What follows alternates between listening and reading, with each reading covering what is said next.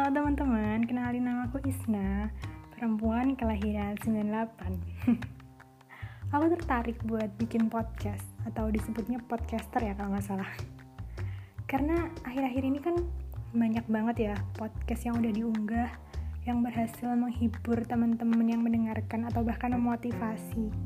Termasuk juga aku, aku termotivasi dari podcast-podcast yang udah aku dengerin apalagi kan selama pandemi COVID-19 gini pemerintah menganjurkan kita buat tetap di rumah aja. Dan jadi waktuku selalu tuh banyak. Terus aku uh, iseng-iseng dengerin podcast sambil beres atau sambil ngapain kayak gitu. Jadi kayak udah banyak banget podcast podcast yang udah aku dengerin yang berhasil bikin aku mikir kayak wow ternyata cerita-cerita orang tuh menarik. Nah terus aku mikir lagi kenapa aku cuma bisa dengerin doang. Kenapa aku nggak bikin podcast aja?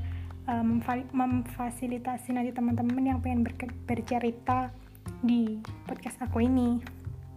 Terus aku kepikiran buat namanya kita bercerita. Nah kenapa? Karena aku pengen nantinya teman-teman yang bisa gabung sama aku bisa cerita tentang apa saja tentang kisahnya dia tentang uh, pengalamannya dia yang nantinya aku pengennya bisa menghibur teman-teman yang mendengarkan yang bisa memotivasi teman-teman yang mendengarkan di podcast kita bercerita.